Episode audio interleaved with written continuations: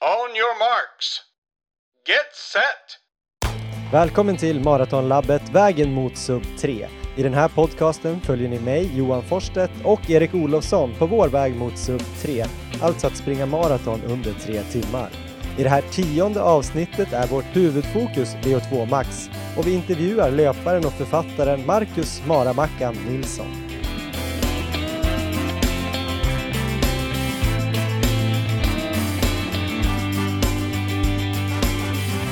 Erik Olofsson, välkommen till Maratonlabbet. Tack Johan!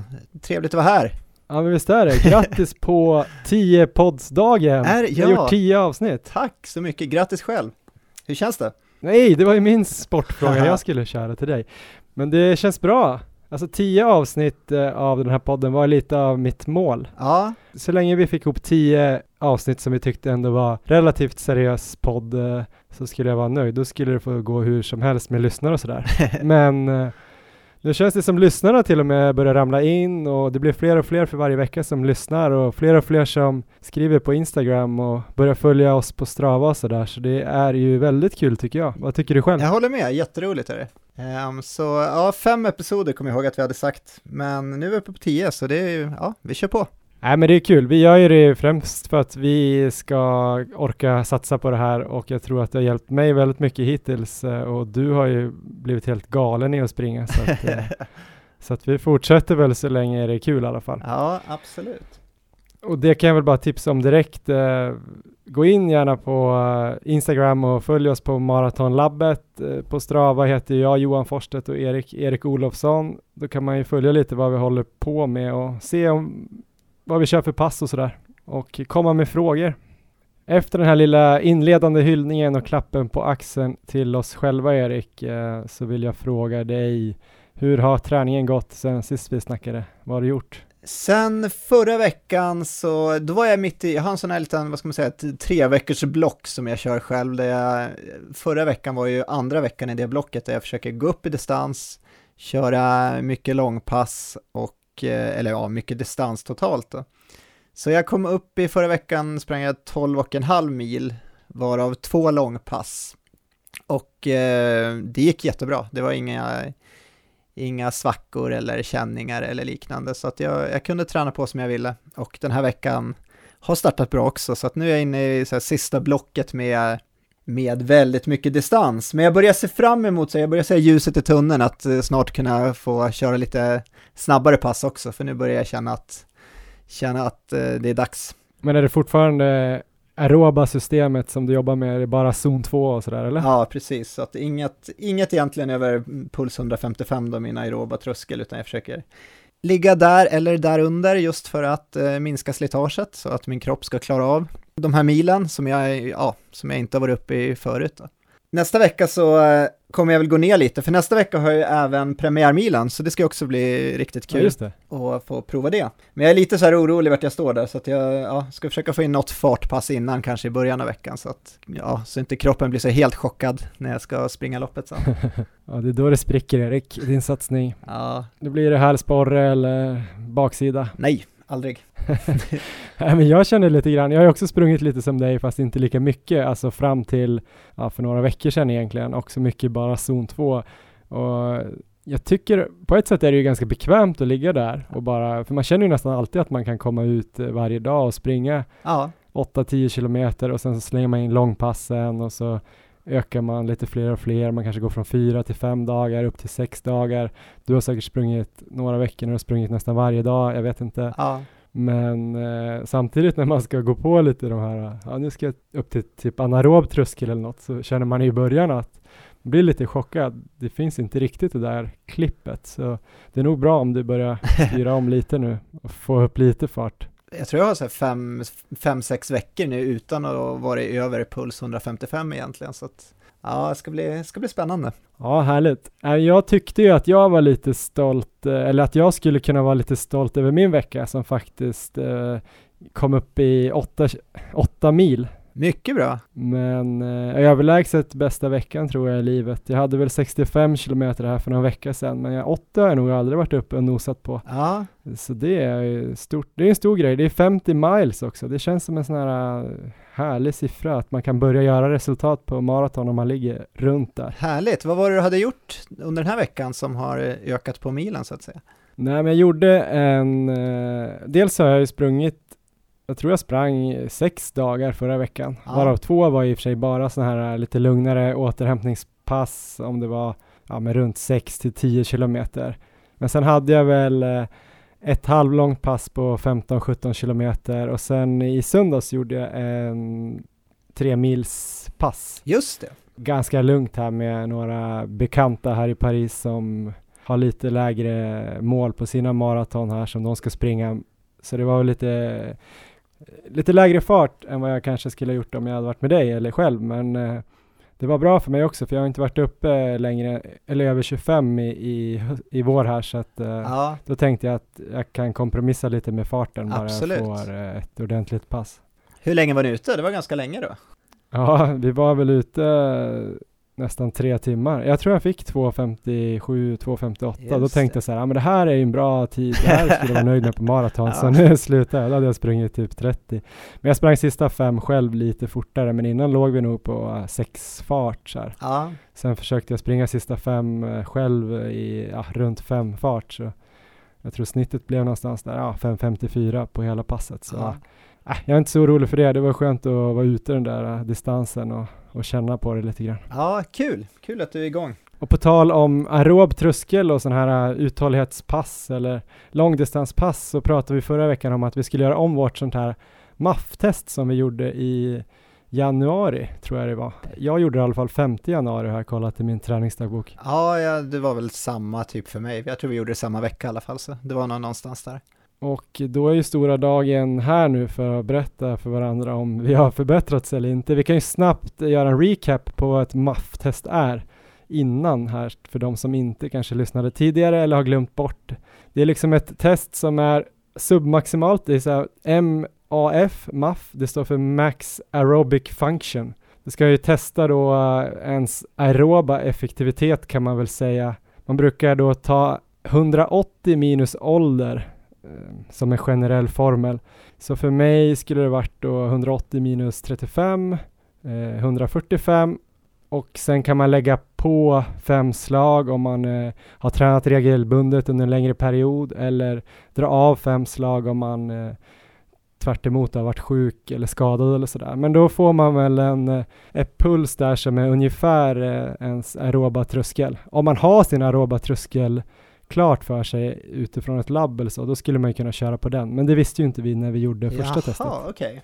Eh, och tanken då är väl att man efter uppvärmning så springer man helt enkelt 40 minuter och försöker ligga så nära som möjligt den här eh, pulsen då som eh, man eh, har räknat ut att man ska hålla. Och det är ju svårt att ligga exakt på eh, 150 eller 145 hela tiden, men man ska sikta på att ha snittet på 40 minuter där. Och sen så kollar man bara helt enkelt hur långt man har kommit efter 40 minuter. Och sen återupprepar man det här ja, när man vill igen och ser man om man har kommit längre. Då har man ju blivit mer effektiv på den här eh, aeroba tröskeln. Förstod du det där Erik? Förstod någon det där tror du? Ja, men det där tyckte jag var en bra förklaring. Tack! Men eh, ja, jag kan väl kanske, ska jag börja eller ska du börja? Nej, du kan köra, kör du. Eh, jag hade ju senast eh, så sprang jag i en snittpuls av 147 blev det. Ja, Så då tänkte jag, jag ligger på 147 idag igen. Och sist sprang jag 8,7 kilometer. utomhus gissar jag. Just det, jag sprang utomhus, eh, hade en sjö i en park här i Paris som det var bra förhållanden förra gången i januari. Det var faktiskt 8-9 grader redan då. Sen har det varit kallare här också, men nu var det 8-10 grader idag igen. Kanske lite, lite mer vind. Det är viktigt att det ska vara samma förutsättningar Ja, eh, på de här olika, annars kan det ju, om det är väldigt varmt till exempel, så kommer man ju antagligen prestera lite sämre. Men det var ju nästan exakt samma förhållanden. Eh, så det var ju skönt. Och då förra gången var det 4.36 minuter per kilometer i snitt. Och idag då Erik, ja. kan man lägga in någon sån här trumma här eller? Ja, det är spännande nu. Drrrr. 8,87 kilometer kom jag.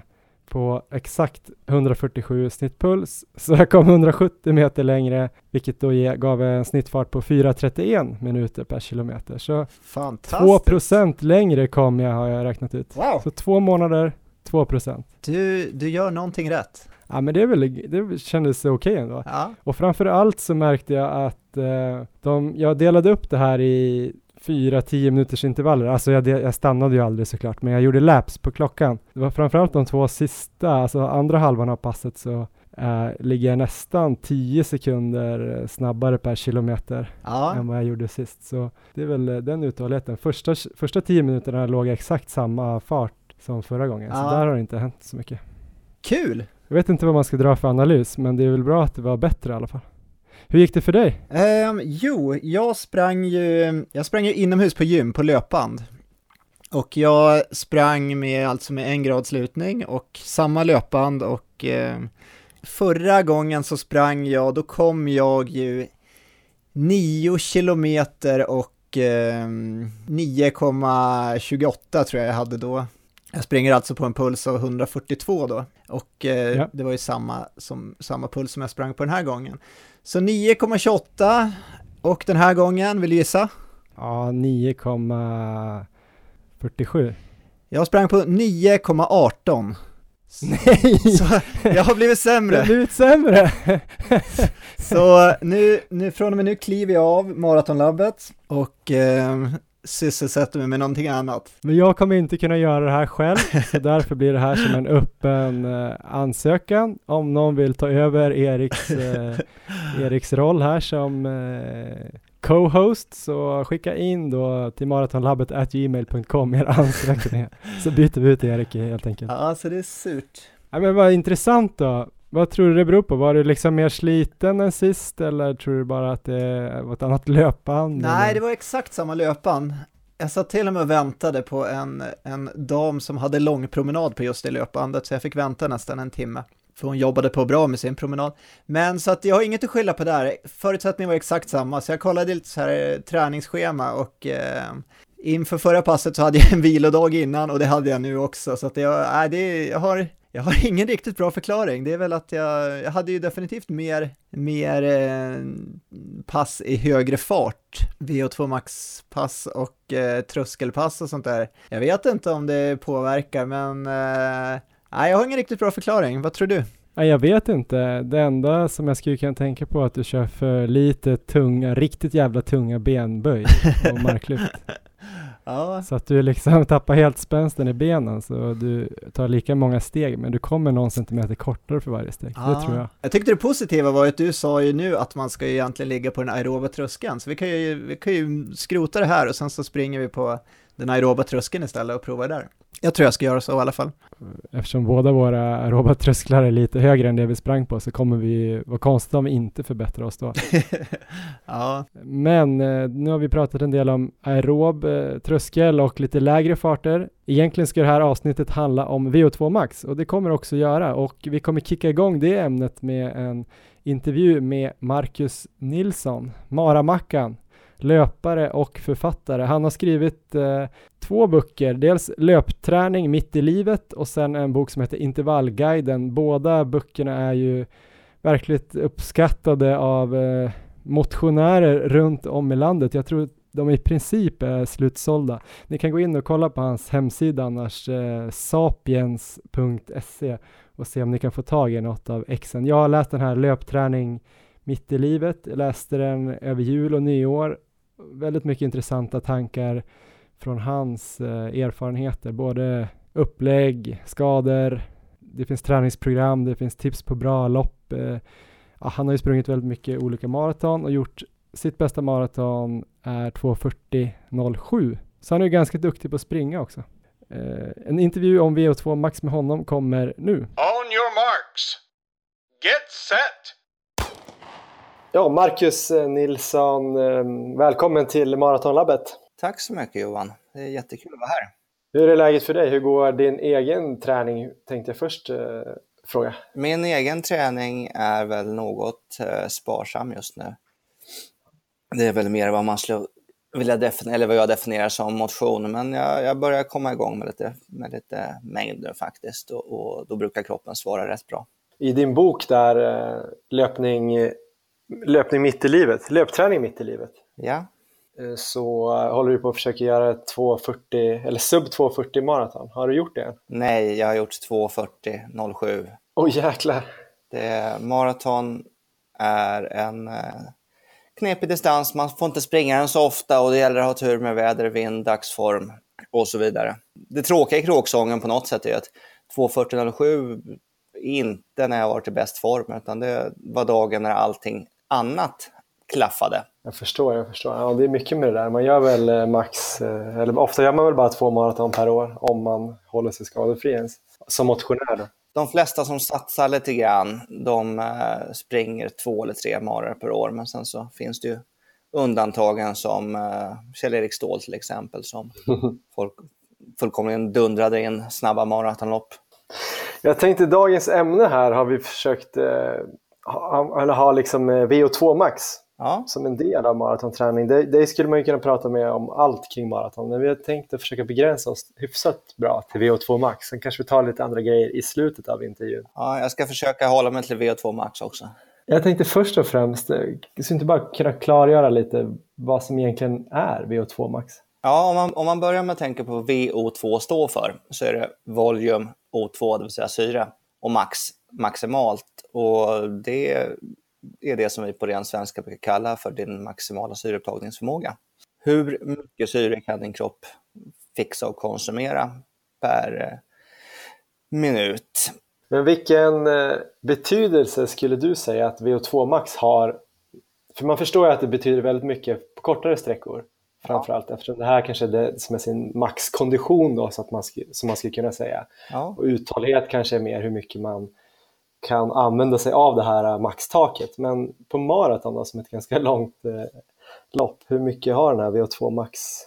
Hur mycket ger det om man äh, förbättrar den? Alltså, det beror ju väldigt mycket på var du är någonstans. Men hur man än vänder och vrider på det så sätter ju det här någon sorts absolut gräns i någon mening för hur bra du kommer kunna springa, även om det som du säger är för framförallt på kortare distanser som du fullt utnyttjar det. Men eh, även på längre distanser så är det ju helt enkelt så att har du en kraftigare motor så kommer du ha högre grundpotential. Det, det, det går inte att komma ifrån. Men du skriver ju till exempel att om allt annat är lika så vinner ju den med högst VO2 max. Men i ett maraton då, som kanske är lite mer komplext, Ja. vilka andra delar spelar in där? Eh, löpekonomi spelar jättestor roll, Mm. eh, skulle jag vilja säga. Och jag tycker att det är en av de saker som är ganska förbisedd i, i, i maratonträning. Man, man tränar trösklar, man tränar uthålligheten, man tränar eh, VO2 max. Men sen så kommer det här med uthållighet i fart, där du faktiskt eh, lär dig att, att springa i den farten du ska tävla. Och, och springer man inte så mycket i den farten man ska tävla i så, så är min fasta övertygelse att då är du inte lika effektiv i, effektiv i den farten. Just det. Så det handlar om att eh, spara på syret. Men som jag och Erik då som ska springa sub 3, vi vill väl ligga då 4.15 fart. Ja, Men eh, vad, vad skulle du råda oss att springa mycket av då? då? Nu vet ju inte exakt vad vi är för typer av löpare, men, men just om man tänker på löpekonomi, då, vilka pass ska man lägga in då? Eh, jag älskar ju att köra, eller älskar, sanning med modifikation. Jag brukar hata passen i slutet när man kommer närmare maran. Men jag gillar de här eh, intervallerna som är just 4 gånger 3 kilometer, 4 gånger 5 kilometer, 3 gånger 6 kilometer eh, i marafart och sen så med, med 4-5 minuters joggvila emellan. Det, det är där jag brukar trimma in det jag sen presterar. För det, är- det är rätt kul att i, när jag sprang 2.40 den hösten, Mm.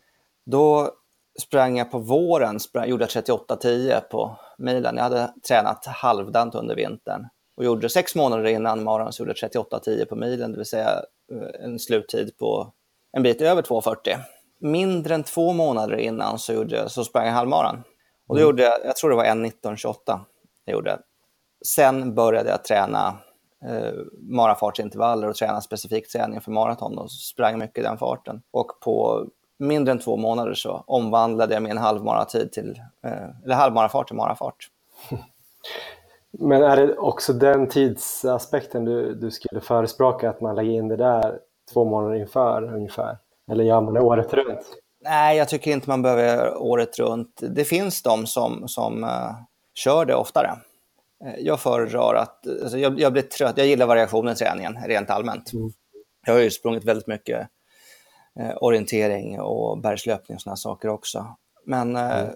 slänger jag in det, jag, jag har testat allt från sex till, jag tror jag provade nio, tio veckor en gång, men då, då ledsnade jag. Sex veckor har jag testat och det har funkat. Eh, den gången jag testade bara sex veckor så gick, var då jag gick tror jag, från 2.59 till 2.53 persa med sex ja. minuter. Den gången. Alltså det, så det, det tycker jag är kanonpass. Så uh, runt två mil totalt uh, och uh, uppdelat på fyra, fem intervaller då, eller? Ja, mellan, jag, brukar, jag brukar börja med, med 4 gånger 3 km eller 5 gånger 3 km med 5 minuters joggvila första ja. gången. Och sen så brukar jag jobba upp det till, när jag kört som eh, saftigast har jag nog kört eh, tre gånger eh, 26 minuter tror jag jag körde någon gång, vilket i den formen jag var då blev, blev en bra bit över två mil. Och joggvilan här, det jag tycker alltid man läser där, joggvila, ståvila, gåvila, hej och hå. Men jogg, vad är det då? Är det sin distansfart, eh, alltså ungefär en minut, eh, en och en halv minut snabba, långsammare eller är det ännu långsammare? Nej, just på de här då är det faktiskt då är det rätt snabb joggvila, utan då sänker, jag, då sänker jag farten med kanske 45 sekunder per kilometer. Men nu är vi långt ifrån VO2 max. Ja, jag kände det, men det var så himla intressant.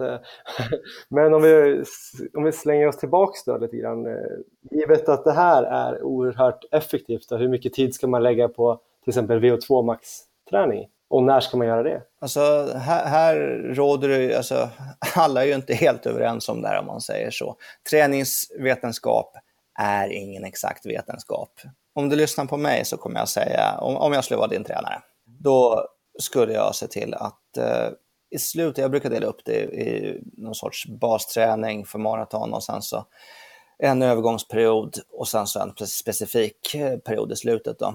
Och är, jag gillar att bygga V2 Max i slutet av basperioden. Då gärna i form av eh, kanske lite mer backpass och såna här saker.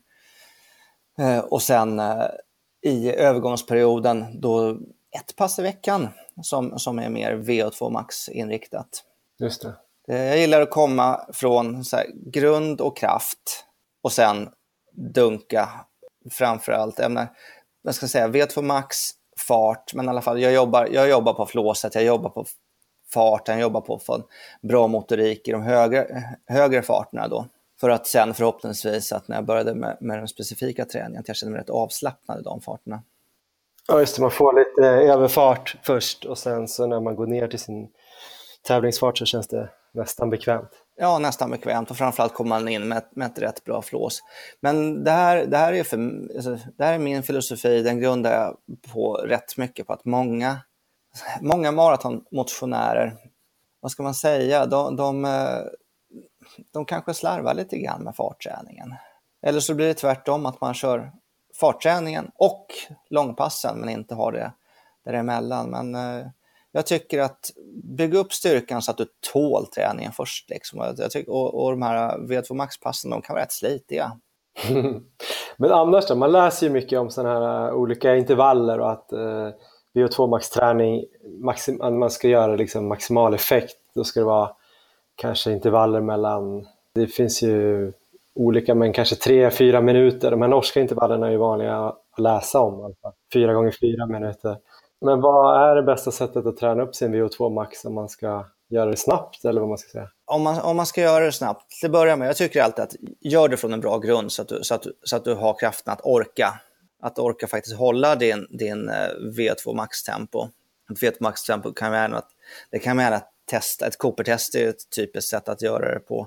Jag tycker egentligen ännu bättre att testa det med kanske 8 minuters maxlöpning eller 6 minuters maxlöpning, för då, då är du rätt säker på att du orkar igenom den, den farten.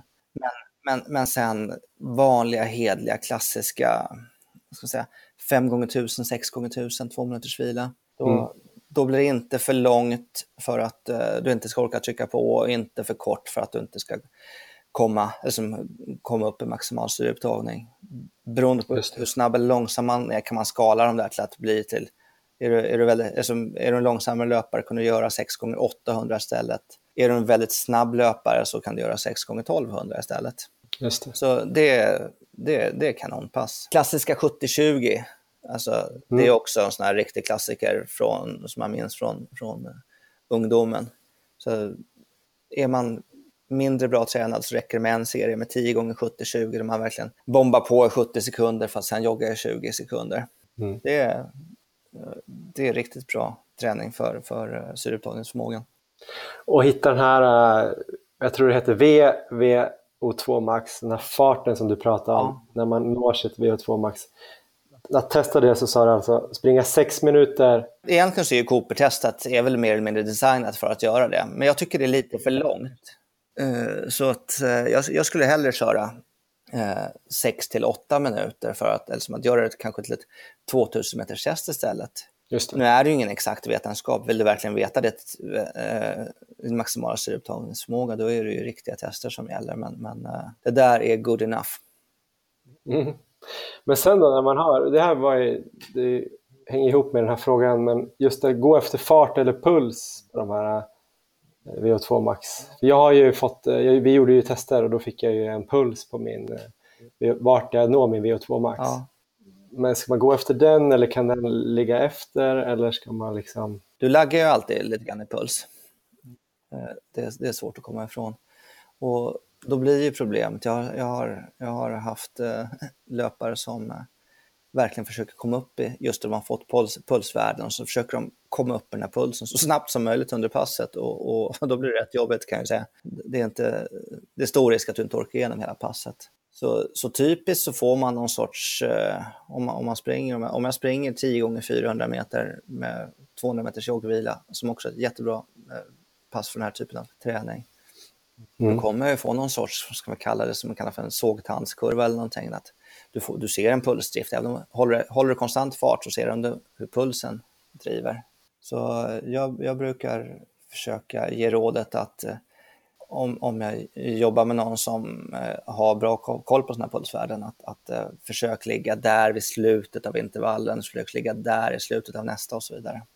Men jag tänker, har du någon uppfattning om hur slitsamt de här VO2 max-passen är kontra liksom långpass? Eller? Alltså de, är, de, är, de är slitsamma, eh, lite grann beroende på hur man gör dem, skulle jag vilja säga. Jobbar du med, med eh, högt flås i form av eh, rätt brant backe, då sliter du inte särskilt mycket muskulärt. Jobbar du med det genom att köra 200 meters intervaller på en inomhusbana, då är det rätt styggt. Mm. Det, eh, så är det. Så, så att kroppen tycker jag brukar palla rätt bra. När jag, när jag, när jag, när jag springer mycket terräng, då, då återhämtar det sig fint. Men, men springer bana och fartpass, som definitivt har en, en, en plats i träningen eftersom du får med det neuromuskulära också eh, då, då sliter det och då, då tar det rätt lugnt dagen efter. Och när jag säger rätt, rätt, rätt lugnt om du ligger på jättehög träningsdos, då kanske det är en lugn återhämtningsjogg på morgonen sen så att ett eh, rätt eh, lugnt distanspass på eftermiddagen. Medan för någon annan kanske det är helvila dagen efter. Ja, just det. Men om man ska försöka lägga det i backar om man vill vara lite skonsam mot kroppen, vad måste man hitta, hur långa backar måste man ha? Vad kan man, har du något tips på något backintervallpass för VO2 max? Ja, eh, om du kör backar som ligger på 200-300 meter och inte allt för branta och sen, och sen joggar ner, då, då, då kommer du jobba hyggligt på, på syreupptagningsförmågan. Och då kan man göra, hur många då? 15-20 eller? Nej, jag skulle nog börja lite försiktigare. Så om, om, om, du säger att du gör 8 eh, gånger 300 första gången, vi har inte pratat om, om det här faktiskt, men, men eh, jag vet att jag har skrivit det i en av mina böcker, i alla fall kanske båda, att, eh, att en, en bra grundregel är att man ligger mellan 10 och 25 minuter i arbetstid på ett VO2 maxpass. för att orka hålla uppe intensiteten. Det ska vara nog mycket för att det ska bli bra, men det, det ska vara så pass mycket också så att du faktiskt orkar. Och vilan emellan har du ju sagt eh, ungefär, är det ungefär halva tiden som man som arbetet eller kan det vara ännu längre på kort, ju kortare intervaller man gör? Alltså att det nästan är en till en förhållande? Uh, ja, men uh, blir, det, blir det ett till ett förhållande nästan, då, då, då, ser jag, då ser jag hellre att du kör, kör en joggvila. Och då kan, den, den, den kan vara rätt lugn. Mm. Men det är ju, man ska komma ihåg där, återigen, man, man tränar inte bara ett system. Så kör du, kör du, kör du 15 gånger 400 med, med 60 sekunder ståvila så absolut, det är jättebra V2 maxträning. Det kanske inte är helt optimalt, men det är fortfarande bra träning och genom att göra ståvila så, så kanske du har möjligheter att helt enkelt hålla bättre teknik inom passet. Kör du joggvila så tappar du det här att, att, att du kommer utvilad och genom joggvilan så, så förbättrar du förmågan att bryta ner mjölksyreprodukter. Så det, det, det, finns för och nackdelar med det mesta. Min, min filosofi är ju väldigt mycket att våga variera träningen. Men det känns ju som att jag och Erik är ganska klassiska motionärer. Ja på så sätt att vi har liksom lyckats först jobba ner våra miltider. Ja, vad, vad gör ni på milen ungefär? Eh, vi gör eh, 37-38 ungefär. Ja. Och sen båda har ju sprang halvmara i fjol. Jag hade en 25 Erik hade ett på en 24,5. Ja. Sen har vi båda, jag har inte sprungit så många maraton, men båda har ju maratontider på 3.13 ungefär. Ja. Och där har vi båda kajkat ihop sista milen. Ja. Men för sådana löpare, vad är de, dina bästa tips om man vill komma ner till sub 3 och räcker de farterna 38 respektive 1,25? Om vi säger så här, Johan. Ja. När, jag gjorde, eh, när jag gjorde sub 3 första gången, då sprang jag eh, halvmaran på 1.25.59 tre veckor innan det. Och eh, jag förklarade för alla att jag skulle springa sub 3 tre veckor senare och blev väl mer eller mindre idiotförklarad. Det gick då var det ju halvmara i Stockholm och sen så mara i Berlin. Så det, det är ju lättare bana i Berlin, det är ingen snack om saken. Och sen så var jag väl antagligen lite nedtränad också när jag sprang halvmaran. Eh, jag skulle vilja säga, om jag bara höftar lite grann, så gör du under 1,25 och är maratontränad, då ska du fixa sub 3. Mm. Då gäller det att inte bara att du har, att du har gjort långpassen, utan att eh, antingen att du har rätt bra volym i träningen eh, eller att du verkligen har skött de, dina, dina fartuthållighetspass. Just det. Och vad skulle du förespråka för volym då? Nu är vi långt från VO2 max, men vi avslutar ja, här. Vi avslutar, generella avslutar tips. med volym. Väldigt individuellt, tyvärr. Det är det som är det tråkiga. Jag sprang som, som sagt, jag återupptog ju uh, löpningen som vuxen, eller äldre, ska man väl säga då. Och uh, jag snittade under året när jag när jag tog mig ner till sub 3 så snittade jag fem mil i veckan ungefär. Men då, med, men då är det utslaget inklusive viloperioder och så vidare. Mm. Jag har en, en eh, kompis som kom från ganska stor övervikt och egentligen ingen jättelöptalang, men han, han var uppe på över 15 mil i veckan eh, bitvis och han persade på 2,57. Han hade inte övervikt när han persade på 2,57. Så, så, men han gjorde en fantastisk resa och krävde mer träning och det är fortfarande en sån grej som är, ja, jag var stolt över den killen, att han, att han, mm. att han nådde det där. Men en sista fråga då för att jag är så himla nyfiken. För att jag tror ju precis att den här fartuthålligheten sätter fingret lite grann på vad jag kommer behöva. Men de här sista åtta veckorna där, då, hur många sådana där pass kör man i veckan? Satsar man på ett sånt vad, vad ligger du på volym, eh, löpvolym nu? Nu har jag precis börjat smyga upp. Förra veckan sprang jag faktiskt åtta mil. Ja. Eh, jag har börjat komma, det är liksom max vad jag har sprungit ja. någonsin i och för sig. Så att jag kommer väl försöka variera mellan 6, 7, 8, lite pulserat. Då ska du inte springa mer än ett sånt i veckan. Och då är det det plus ett långpass då? Plus ett långpass, vilket gör att du, att du i praktiken faktiskt får in två långpass i veckan. Ja, jag längtar nästan. Du har sålt in det bra nu. Ja, det är kul. jag lovar. Ja, men superbra Marcus. Eh, jag tror att vi får stoppa där innan vi pratar om allt annat än VO2 Max. Så får vi väl eh, kanske återkomma när vi ja. kommer närmare några lopp. Ja, och jag tycker att vi pratar om allting annat är ju faktiskt så att det är en liten del av det i helheten. Mm. Tusen tack Marcus! Ja, tack själv, jättekul att vara med.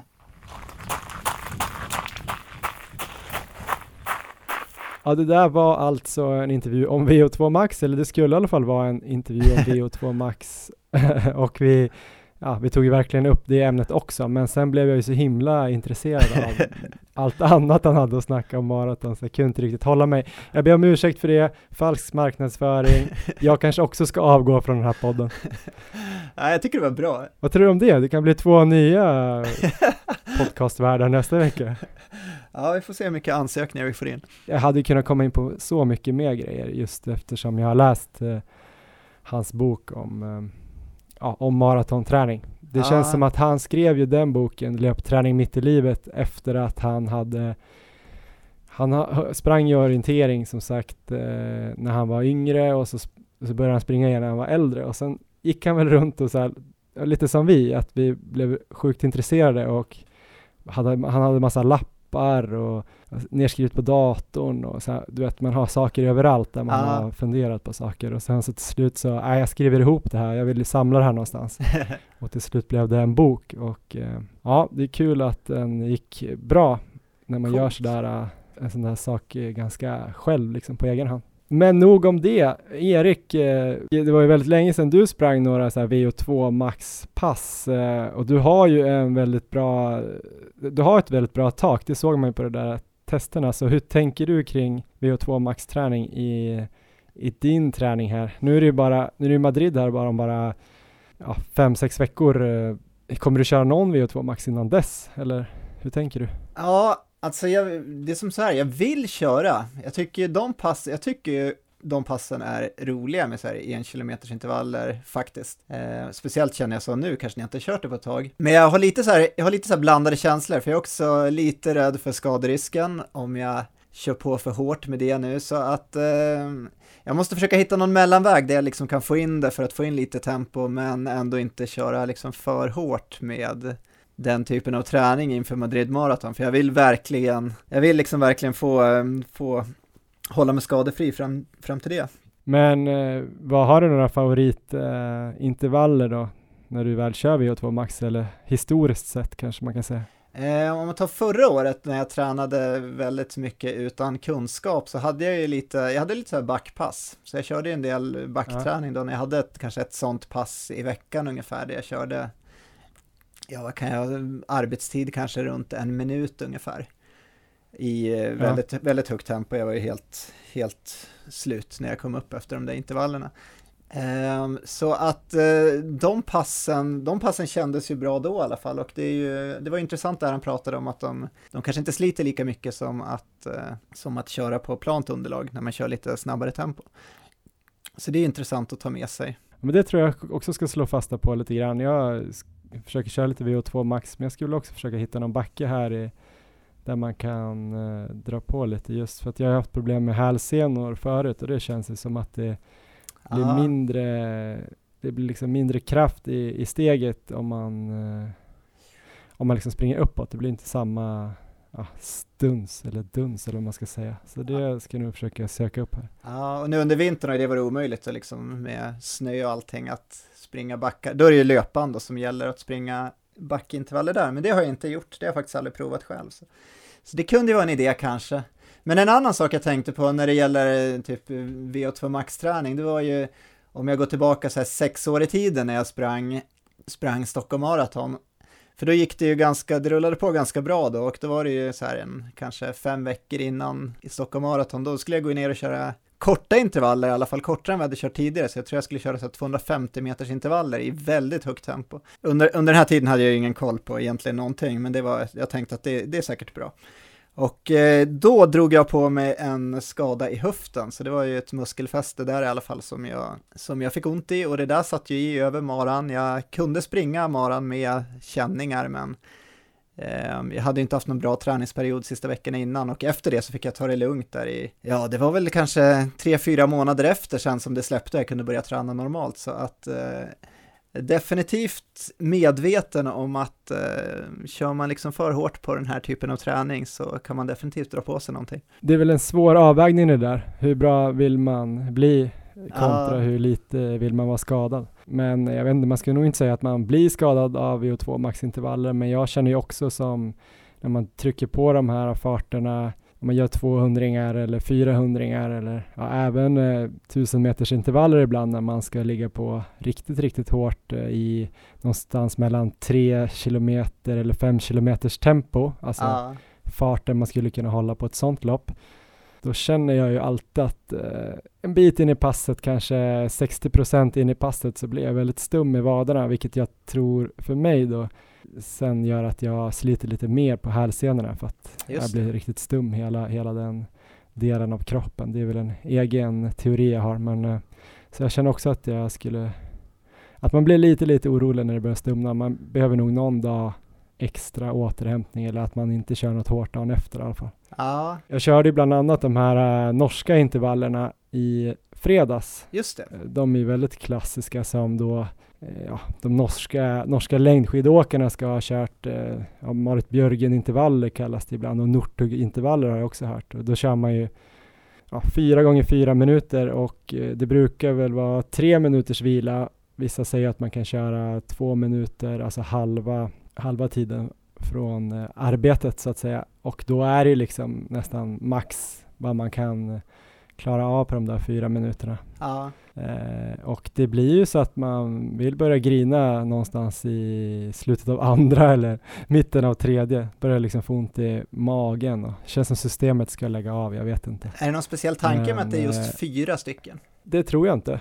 Men det är ganska skönt att det är fyra, för om man gör en, en, Ja. en, en klarar man ju alltid liksom. Då vet man ju, ja men då får man försöka hitta farten, då känner man sig ganska pigg. Ja, Sen andra, då är det ju liksom så här, ja då börjar det redan bli jobbigt.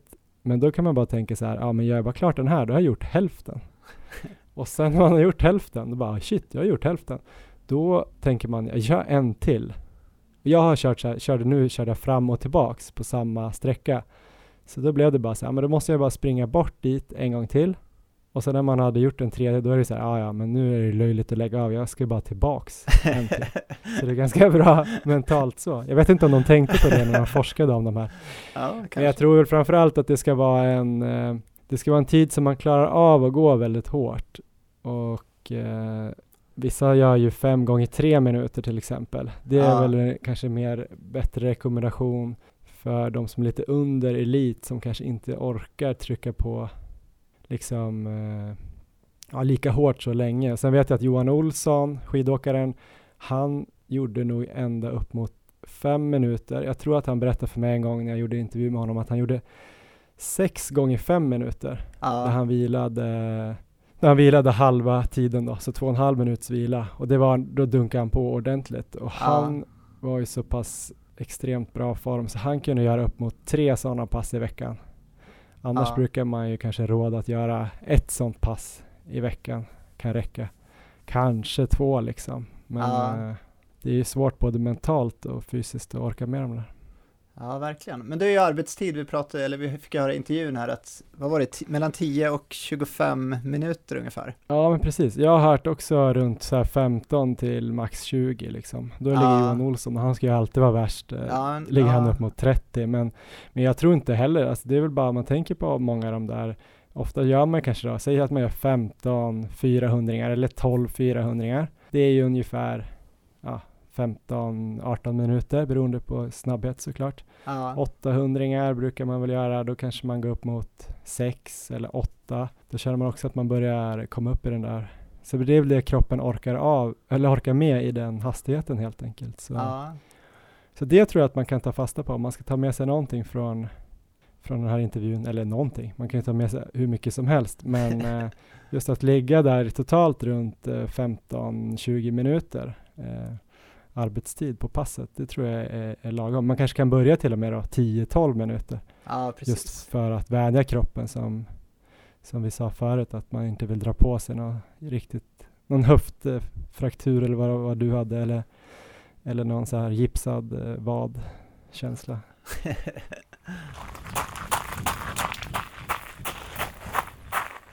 Ja men det var alltså VO2 Max avklarat och hyfsat. Vi kommer säkert komma tillbaks till det då och då under den här äh, poddsäsongsåret. Um, nästa vecka Erik, kommer du köra några VO2 Max-intervaller? Um, jag kommer nog inte köra några VO2 Max-intervaller, men jag funderar på att lägga in någon form av tröskelpass. Så lägga på den anaeroba tröskeln då. Um, så kanske i början av veckan, jag har ju premiärmilen på helgen, så uh, hyfsat tidigt i veckan, kanske måndag, tisdag, tror jag lägger in ett sånt pass. Ja just det, det är ju fem veckor kvar nu tror jag när det här släpps till uh, ditt första primära mål att springa sub 3 i Madrid. Ja. Uh, du har sprungit väldigt mycket i zon 2, kommer du börja liksom, är det här liksom första veckan där du lägger in lite mer fart för att inte ja men för att hitta lite fart inför det eller? Ja precis, det är planen. Så nu är jag inne i sista veckan med bara, bara distans och sen så ska jag eh, öka på lite, lite eftersom.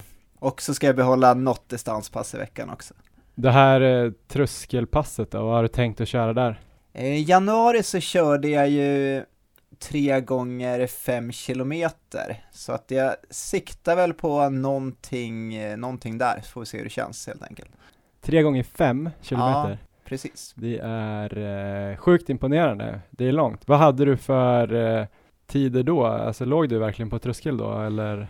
Var det lite över, för annars brukar man kanske snacka om, ja lite som han, lite som eh, Marcus Nilsson som vi hade intervjun här, han har ju mycket de här uh, marafartsintervallerna, då kanske ja. de kan vara 3 gånger 5 kilometer eller 4 gånger 5 kilometer, men du har alltså kört tröskel där då som är ganska betydligt högre tempo. Det här var ju innan vi gjorde våra tester, innan vi hade våra exakta värden, så jag har för mig att jag låg lite över, jag tror jag hade, om jag hade 3.45 tempo på den anaeroba tröskeln sa de, jag kanske låg någonstans mellan, ja, kanske mellan 3.50 och 3.55 tror jag på dem i januari. Så det är möjligt att jag låg lite långsammare än tröskeltempo och det är kanske, det är, eh, det är kanske där någonstans jag kommer hamna nu också gissar jag.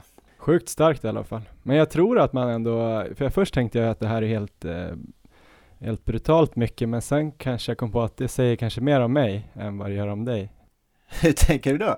Ja, men att jag är svag, både mentalt och fysiskt, men eh, jag har nog kört tre gånger tre kilometer i och för ja. sig. Ungefär i det tempot, eh, strax under fyra minuter. Eh, jag gjorde nog det någon gång i fjol ja. och hade nog bara en, jag tror jag bara körde en minuts vila faktiskt. Ja. Eh, mellan det, så det är i och för sig inte så långt ifrån. Men jag tror faktiskt att när man kör tröskelintervaller eller man kör tröskel, man kan ju köra en lång tröskel också, snabb ja. distans.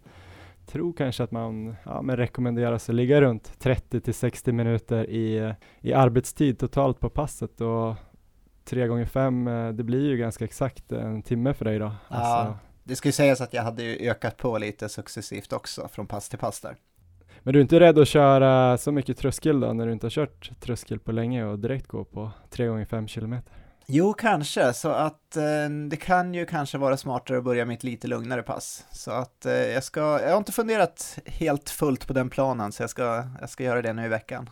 Fast samtidigt så låter det lite tråkigt att jag håller på och försöker ta ner dina pass. Det är ju roligare om jag skulle hålla på och, och, vad heter det, hälla bensin på elden här. Kan du inte köra fyra gånger fem? I vetenskapens tjänst, Erik. Kom igen. jag tror din roll är ganska bra om du kan hålla mig tillbaka och um, göra det, så att jag, jag, jag, tycker det är en bättre idé. En annan grej som är väldigt intressant med nästa vecka är ju det du nämnde lite grann i förbifarten där. Du har alltså tävlingspremiär, premiärmilen i Stockholm. Är du sugen på att få en liten formcheck eller? Ja, jag är väldigt sugen och eh, väldigt osäker på vart jag står på, på den distansen. Jag har inte sprungit de tempona alls på slutet, sista sex veckorna nästan. Så att jag har ingen aning om hur det kommer gå eller vart jag kommer ligga, men det ska bli intressant och det ska bli, jag är väldigt laddad. Hur kommer du förbereda dig? Du har ju snackat förut om att det här är så att säga ett sekundärt mål som är mer som en grej för att liksom få upp formen till eh, ditt maraton. Aha. Men kommer du liksom dra ner någonting på träningen nästa vecka för att vara lite fräsch eller kommer du springa helt nedtränad? Um, ja, jag kommer dra ner lite grann. Sen så är det ju definitivt ett sekundärt mål så det är inget som, som jag kommer på något sätt försöka toppa mig för. Men uh, om man jämför med de här senaste veckorna så kommer jag ha mindre distans under veckan och uh, kanske slänga in någon vilodag dagen innan och sådär. Så. så det är planen. Men vad siktar du på då? Ungefär tider? Um, jag sprang ju jag sprang ju förra året som snabbast på 37.45 på milen. Och eh, även om jag inte har sprungit några fartpass på slutet så hoppas jag väl kunna, kunna nå det eller kanske slå den tiden. Så att det är väl någonstans där jag kommer lägga mig tempo tror jag, runt 3.45 och sen får vi se hur det känns. Vad tror du om banan då? Är det liksom så här plogat och saltat så är det bra fäste eller är det liksom snö och slask och is? Ja just det, jag kollade vädret nu och det ser ju ut som att det kommer vara minusgrader så långt fram i tiden då och eh, så jag hoppas de på något sätt lyckas ploga bort, ploga bort snön så att det är barmark man springer på. Annars blir det tufft. Ja, men det blir kul att se, det ser vi fram emot och vi kommer väl snacka lite mer om det i nästa veckas avsnitt, lite hur du laddar och eh, hur du lägger upp taktiken. Prata lite taktik på 10 kilometer. Absolut. Jag kommer inte springa några lopp eh, nästa vecka, däremot så har jag nog ett lopp eh, som jag är lite sugen på att springa som är två veckor innan Madrid, som också är en mil här nere i Paris. Ja. Så det, det har ju du sagt att det ska vara bra. Det ska det vara. 10 till 14 dagar brukar man säga att ett hårt 10 km pass ska vara så här formgivande inför ett maraton, så det låter perfekt. Den här veckan då som kommer här så blir det nog eh, kanske lite mindre träning. Jag har ju kört ganska bra. Jag vet inte, både du och lyssnarna kommer väl ihåg att jag var ganska så sugen på att komma hem eh, till Paris och träna järnet efter min period i Korea där jag ah, inom citationstecken bara kunde träna tre, fyra gånger i veckan. Ja. Och nu tror jag att eh, när jag kollade min eh, träningsdagbok här så har jag faktiskt tränat varje dag sedan jag kom hem. Så det är väl 17-18 dagar i sträck här nu. Inte bara löpningen då, utan några dagar har ju varit, eh, varit styrka. Ja. Eh, och några dagar har jag faktiskt kört styrka och eh, ja, lättare distanslöpning. Så, men det var väl också min tanke att köra liksom tre veckor riktigt hårt Sen ska jag nästa vecka vara i Milano och jobba med konståknings-VM. Aha, spännande. Ja, sjukt fascinerande och eh, spännande sport faktiskt eh, mm. när man kommer in i det lite grann. Men eh, då vet jag inte hur mycket jag kommer hinna träna, så jag har tänkt redan långt innan att det kan bli en sån här naturlig återhämtningsvecka som vi pratade om någon gång, att att livet gör att man får lite sådana här återhämtningsveckor. Så ja. det kan nog vara bra för mig, men eh, vi får väl se. Jag ska nog försöka hinna få in lite intervaller och eh, något eh, så här 15 kilometers pass och så jag kommer upp i någon distans i alla fall på 4-5 mil. Jag kanske hinner springa något pass innan jag drar dit också. Ja. Men eh, jag ska nog avrunda här nu, för jag ska faktiskt ta och flyga hem till Stockholm några dagar och jobba med världskuppen här i helgen och jag hoppas att vi kommer hinna springa ett långpass eh, imorgon. Just det, kul! Ja men det ska bli skitkul. Eh, men du får ha det bra Erik, så ja. ses vi kanske imorgon och springer och sen hörs vi inför nästa veckas premiärmil och snackar taktik på 10 kilometer. Och eh, gå in också och kolla på Instagram, Maratonlabbet. Du behöver inte göra det om du inte vill Erik, men alla som lyssnar kan göra det. Och kolla oss på Strava också så kan ni se om vi fick till något pass ihop. Annars får ni ha det bra och du också Erik. Bra, tack för det.